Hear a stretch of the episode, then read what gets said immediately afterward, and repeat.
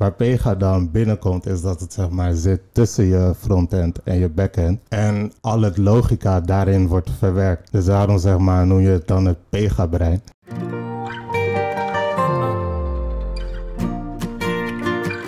Welkom bij onze podcast, Expeditie Application Services. In deze podcast gaan we op reis langs onze 28 clusters. We ontmoeten gepassioneerde experts en praten over hun succesverhalen, uitdagingen, trends en toekomstvisies. Mijn naam is Eva Helwig en ga lekker zitten, relax en geniet van deze reis.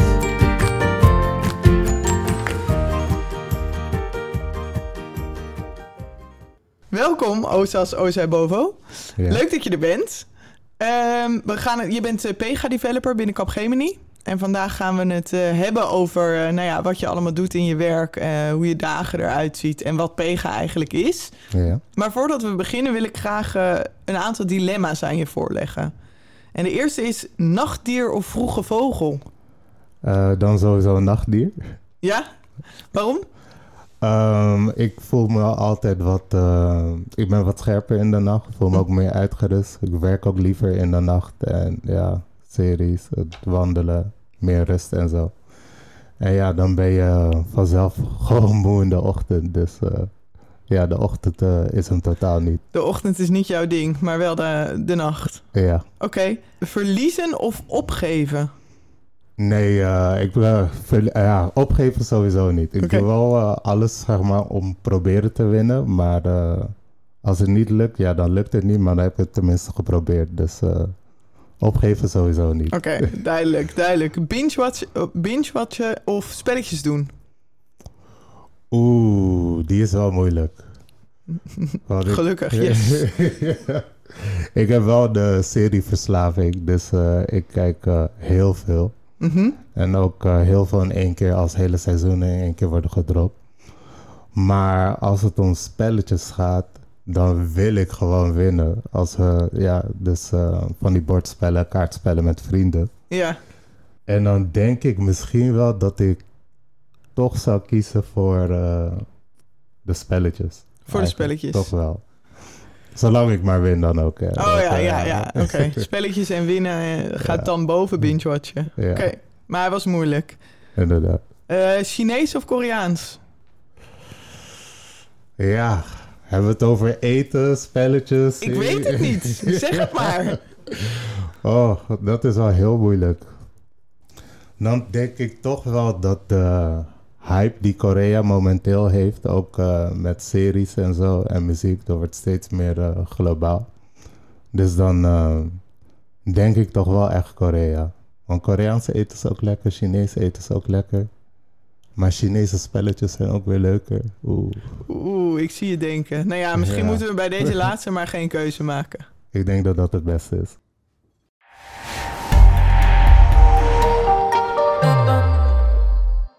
Oké. ehm, zou je jezelf eens willen voorstellen? Wie is Ozas?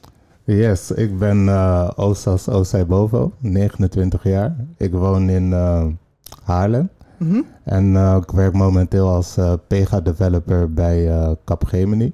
Ja, vraag maar raak. Ja, verder hou je van spelletjes natuurlijk. Oh ja, dat, hebben we, dat hebben we al, al, al meegekregen. Ja. Ja. ik ben wel benieuwd wat jouw eerste aanraking was met de IT. Want je hebt een andere studieachtergrond, toch? Ja, dat klopt inderdaad. Ik kom van de Bachelor Science Business Innovation aan de VU. Mhm. En dat is meer een studie waarbij je de bruggenbouwer bent tussen eh, ja, technische gedeelte en de business. Maar niet per se op IT-gebied, maar meer op eh, duurzame energie en eh, biochemie en dergelijke. Oké. Dus eh, qua IT eh, was er helemaal niks eh, tijdens mijn studie. Maar gelukkig was ik een beetje de sociale type ook. En eh, binnen mijn studentenhuisvestiging waar ik woonde, Mhm. Daarbij eh, ging ik veelal om met eh, experts en die studeerden voornamelijk eh, studies zoals computer science, business analytics. Waarbij ze me dan ook wel zo nu en dan introduceerden binnen zeg maar, wat ze aan het doen waren, wat Ja. ze aan het bouwen waren.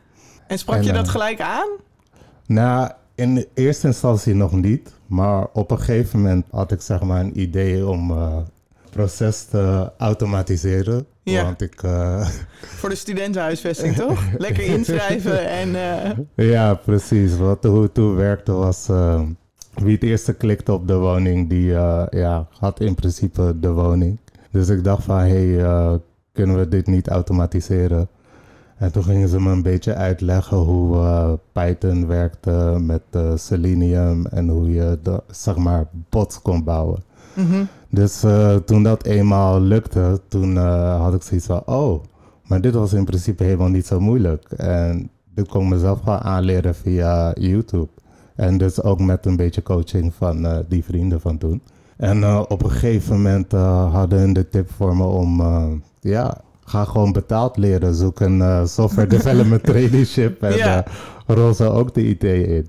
Leuk. En de, nou ja, dat is gebeurd. Inmiddels zijn we vanuit je studententijd al een paar jaar verder. En nu werk je Ja. bij ons als, eh, als Pega-developer. Dat eh, klopt. En wat is Pega? Eh, om Pega uit te leggen is ehm, in principe ja, best lastig. Dus ik denk, ik kan het beter, ik kan het beter beginnen bij hoe een organisatie is opgebouwd. Oké. Eh, ja, meestal is het, eh, ja, zijn er een tal van bedrijfsprocessen die eh, ja, plaatsvinden binnen een bedrijf. Mhm. En zo kan je bijvoorbeeld bij een bank een rekening openen of ja, een hypotheek aanvragen. Of bij een winkel bijvoorbeeld dat je ja, je product retour stuurt. Ja. En dus bij het uitvoeren van zo'n proces, daar ja, worden verschillende taken ook uitgevoerd. Zo heb je bijvoorbeeld bij het openen van een rekening de documenten die worden aangeleverd, uiteindelijk eh, de identiteitscheck, de Ja, mogelijke we kennen het allemaal wel, hè? Ja. Dat je dat moet aanvragen. Oké.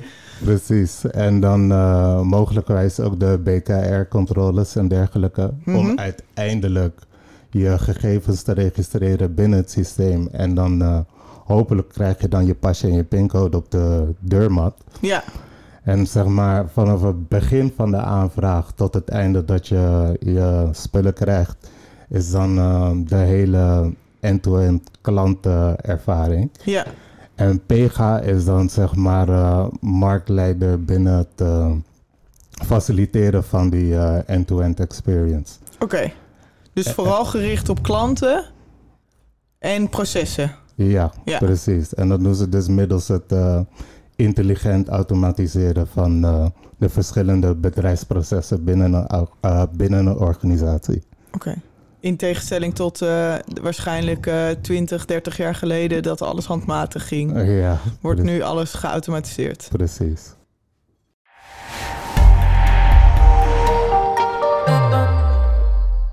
Wat kun je nog meer vertellen over Pega? Ja, Want is het een taal of Nee, een technologie, een platform? Hoe, hoe zie ik dat? Pega is een eh, low-coding platform wat gebouwd is op eh, Java. Oké. En het heeft eh, ja, verschillende eigenschappen die dan resulteren in datgene waar ze goed in zijn. Waarbij voor mij dan voornamelijk het, denk ik, het Pega-brein is. En dan, ja, Wat is het? Ja, je ziet me ook kijken. Wat is het Pega-brein? inderdaad. simpel gezegd is het Pega-brein... ehm, of nee, ik denk dat ik eh, beter eens kan eh, beginnen bij hoe eh, webapplicaties zijn opgebouwd. Mhm. Dan heb je dan meestal frontend en backend onderdelen.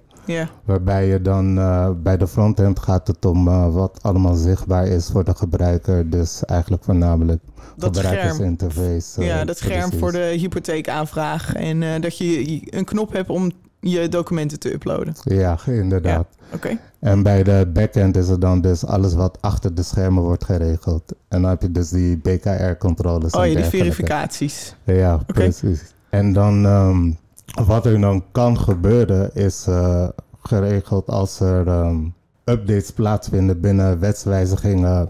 Leeftijd gaat misschien omhoog van een hypotheekaanvraag of Oh ja. bepaalde rentes. Dan moet dan over verschillende linies worden upgedate, omdat logica in de frontend kanalen is gebouwd van dat je misschien eh, je leeftijd hypotheekaanvraag van 18 naar 21 gaat, bij wijze van Mhm. spreken. Ja. Maar als je die aanvraag via de app doet, dan moet het daarin ook worden geüpdate.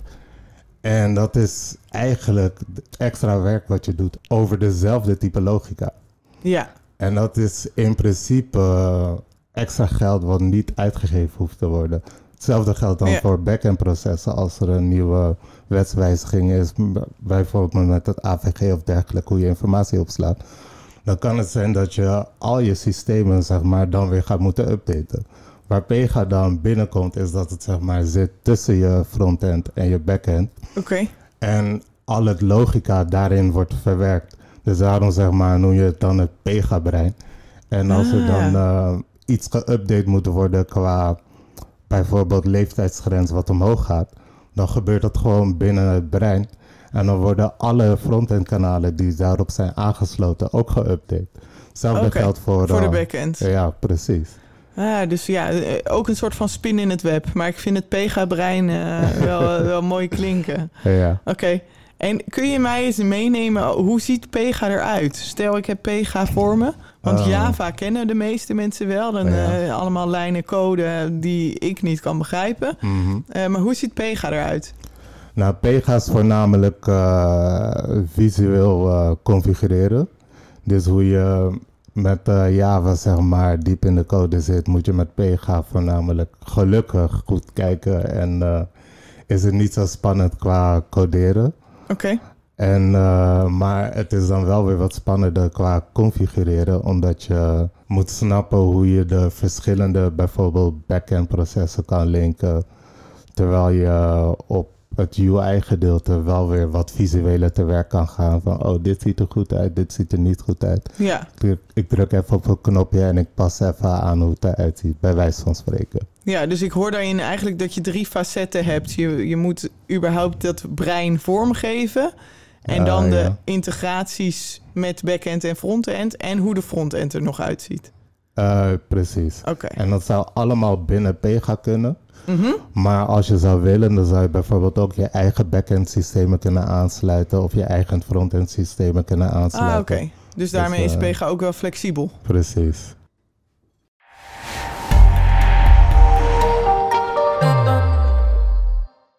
Een andere vraag is: wa- wat is de reden dat klanten voor Pega kiezen?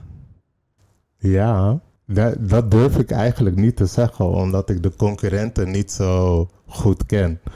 Maar in de gevallen, zeg maar, waarbij Pega was gekozen, die ik ken, was het omdat het eh, qua schaalbaarheid, zeg maar, heel makkelijk gaat met Pega. Want eh, in principe, de motto bij Pega is, je schrijft je code één keer en je trekt het gewoon over de hele breedte.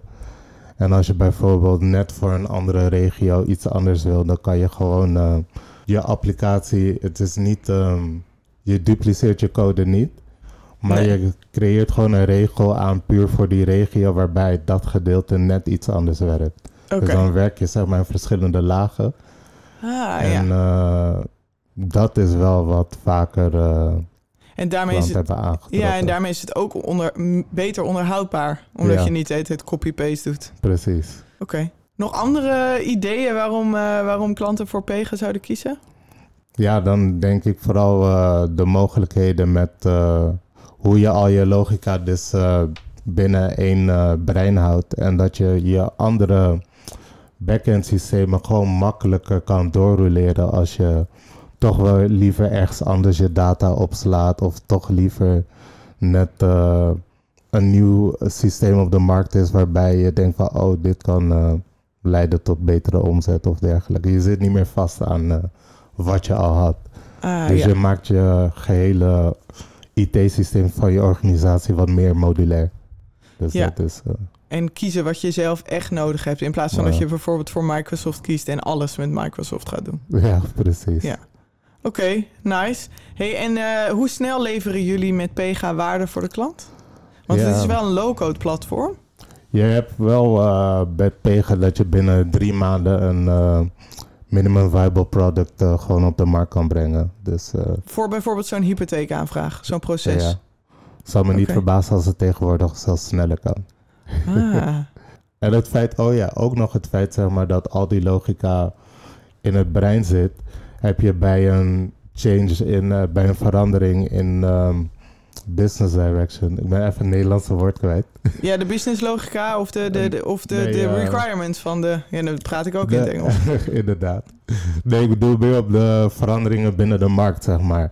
Als Oh, je ja. daar snel wil inspelen als bedrijf zijnde, dan is het beter dat je op één plek alles verandert. En dat je dan eh, dat snel, dat, dat ben je sneller effectief, zeg Ja, maar. dus als de klant iets wil, heb jij het misschien wel morgen al... eh, kan het paraat staan. Ja, precies. Met een kleine wens, denk ik. Inderdaad. Morgen is al heel snel, maar het kan snel. Oké. Ja.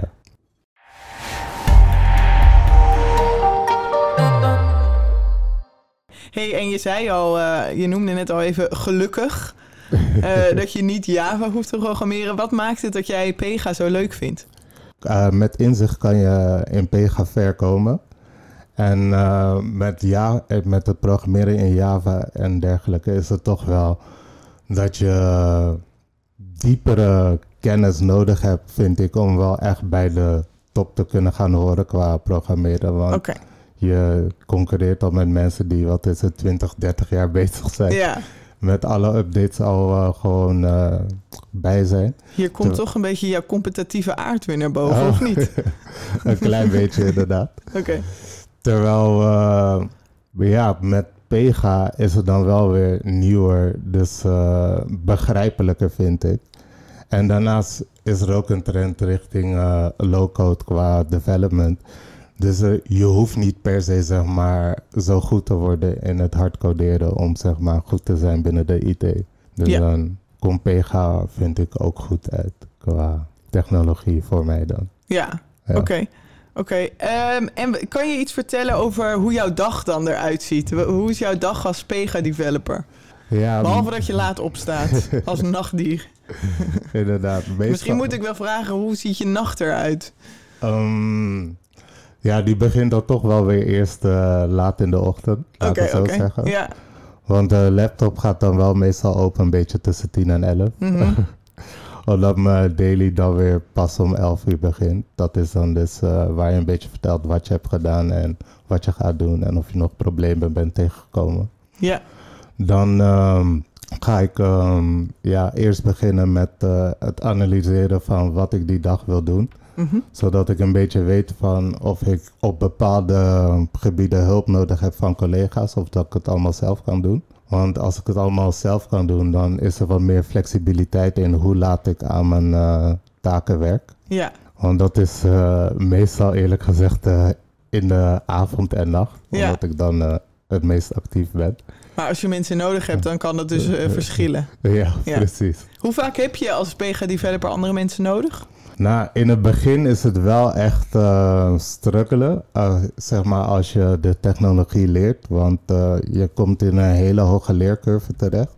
Ja. Omdat ehm, qua het verschil dan tussen Pega en Java bijvoorbeeld is, als je in Java ergens tegenaan loopt wat je wil oplossen, je googelt een beetje en je krijgt genoeg zoekresultaten op Stack Overflow, wat een beetje de Wikipedia is van, Van- eh, problemen opzoeken. Ja, in de IT vooral.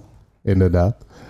En, dan, eh, het, en datgene heb je dan weer niet met Pega. Ah, dat is zeer ja. beperkt qua oplossingen. Dus dan moet je het vragen aan mensen die je kent die zeg maar eh, wel goed in Pega zijn. En het ook nog eens goed kunnen uitleggen. Want het zijn ook weer twee verschillende dingen. Dat kan ik me voorstellen, ja. Ja. En met hoeveel, eh, hoeveel Pega-collega's eh, heb jij om je heen verzameld aan wie je allerlei vragen kan stellen? ja, gelukkig is dat eh, in de afgelopen drie jaar wel een stuk toegenomen. Mhm. Maar in het begin waren de vragen die ik had ook nog een stuk simpeler.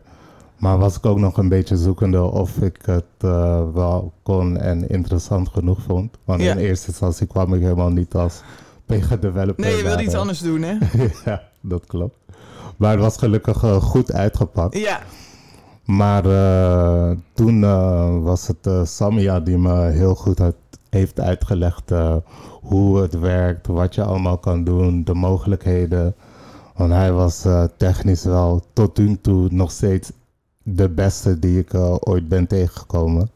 Wel een beetje de Rolls Royce onder de Pega developers. Oh ja, wat mooi. En dus uh, door hem uh, wil ik dan ook technisch zo goed worden als dat hij is. En het goed kunnen uitleggen. Maar je hoeft met Leuk. PGA helemaal niet uh, de technische kant op te gaan. Oké. Okay. Want je hebt bijvoorbeeld ook rollen als business analyst binnen het PGA-platform. Mm -hmm. En daarnaast... naast Want wat doet de business analyst dan? Die haalt meer de requirements op en kan ook beter um, verwerken hoe ze, um, hoe ze geïmplementeerd moeten worden binnen applicaties die gebouwd moeten worden. En, uh, een beetje aansturen op wat er wel en niet mogelijk is, omdat ze PGA ook een beetje kennen. En die geven dan eigenlijk het PGA-brein vorm. Is dat hoe ik het zie? Ja, in principe wel, want ze halen de business logica op en die moet dan weer verwerkt worden door de, de developers.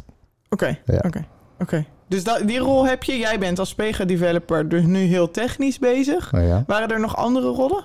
ja er je kan ook eh, bijvoorbeeld de kant op die eh, werkt met de decisioning tool en dan ga je weer meer werken met eh, AI. En dat is nu ook helemaal... AI, Artificial Intelligence. Yes. yes. En dat is nu ook helemaal hype en happening. Dus Want hoe zie, kan je die connectie met Pega uitleggen? Ehm, bijvoorbeeld eh, in het geval dat je ehm, bepaalde reclames ziet eh, op een website, kan je als PGA-applicatie bijhouden of er wordt, op wordt geklikt of niet, of of je ze interessant worden gevonden door de persoon via impressies. Oké. En dan eh, past het algoritme achter die. ehm, eh, ik wil niet per se reclames zeggen, want het zijn niet altijd reclames.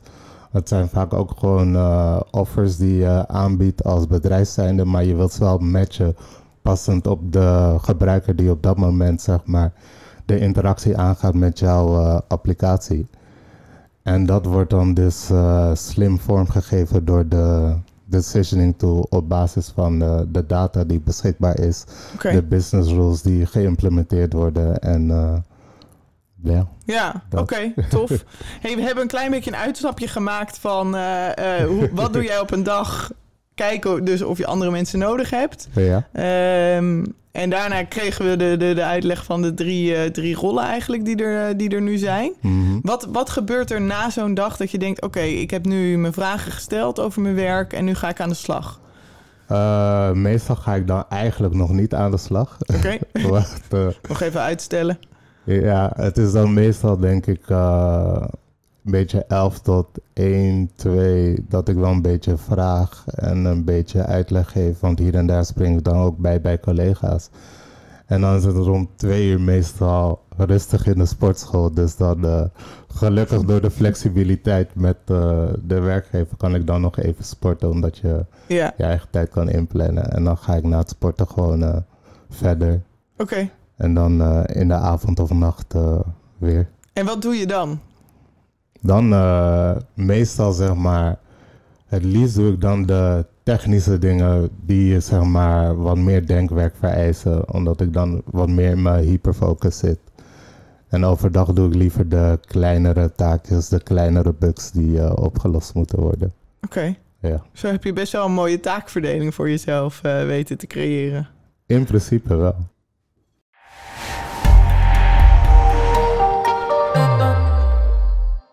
Kan je, kan je Ja. iets vertellen over eh, ja, de opdracht die je nu aan het doen Oh. bent? Ja, ik werk momenteel dus eh, bij een overheidsinstantie in Duitsland. En daarbij eh, bouwen we een procurement tool voor de treinonderdelen, trein, eh, en de- denk dan aan sporen, stoelen, deuren, wagons, dergelijke. En ja, offertes die daarbij komen kijken, financieringen die ook een rol spelen. En dat moet dan allemaal eh, slim geïntegreerd worden in verschillende processen die dan eh gestroomlijnd verder gaan. En dat doe je dus met Pega. Oh ja, Die, die, die slimme stroomleiding. inderdaad. Oké, En dan is er ook nog een eh, kleine integratie met SAP ook. oké, Ja. oké. Hey, en wat, wat maakt voor jou deze opdracht uitdagend? Voornamelijk de flexibiliteit die ze bieden in zeg maar de taken die je oppakt. Want ze hebben zoiets van, eh, het maakt in principe niet uit met hoeveel je ervaring je komt. Ze geven je ook de ruimte om gewoon de tijd te nemen om het probleem goed uit te zoeken, zodat je een betere developer wordt. Mhm. Maar ik weet nog voornamelijk in het begin eh, had ik daar wat makkelijkere taken. Maar ja, toen had ik ook wat minder ervaring. Ja, Maar eh, ik begon gewoon uit mezelf meer uitdagende taken op te pakken. En dat was ook geen probleem of zo. Dat ik er langer over deed. Dat was eh, allemaal prima. Dus dat waardeer ik wel dat die ruimte voor groei er is, zeg maar. ja. Oké, tof. En wat, wat vind je nu moeilijk, het moeilijkste om te doen? Of waar- wat vond je, nee, wat vond je toen je net begon moeilijk? Wat nu een eitje is? Eh, wat ik toen vreselijk vond, zeg maar, met normaal programmeren, als je wilt debuggen, dan vond ik het gewoon simpel. Je leest gewoon eh, waar je errors vandaan komen. Maar binnen Pega, hun eh, tracer tool om zeg maar je errors op te sporen, oh, dat was vreselijk. Had je 80.000 regels aan informatie en dan wist je ook niet per se waar je precies moest zoeken, hoe en wat. Like, toen ik eh, al het scherm opende, dacht ik al, oké, hier gaan we weer. Laat me even een collega bellen. Waar moet ik zoeken? Waar moet ik lezen? Mhm. Maar nu eh, bij elke kleine bug heb ik zoiets van, oké, ik open de trace. Ik weet precies op welke regel ik moet zijn. eh. Dus Om dat te is zien, eh. gelukkig een stuk beter geworden. ja, precies. En wat, waar loop je dan nu tegenaan? Mm, waar ik nu voornamelijk tegenaan loop zijn denk ik meer integratievraagstukken, omdat ik daar nog niet genoeg ervaring mee heb gehad. Oké, En qua zoeken online, zeg maar, je weet het, daar valt niet zoveel over te vinden bij Pega. nee. Dus dan het meer zo- zodra mijn collega's tijd hebben, van hey, kan je me dit even uitleggen? En zelfs di- zelf dingen proberen en Ja. testen en eh, kijken of je het voor elkaar kan krijgen. Precies. Oké.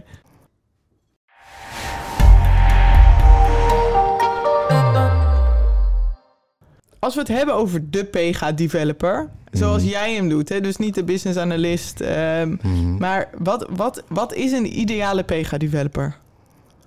Wie Nou, is dat? Dan denk ik wel dat het iemand is eh, met inzicht en een proactieve houding.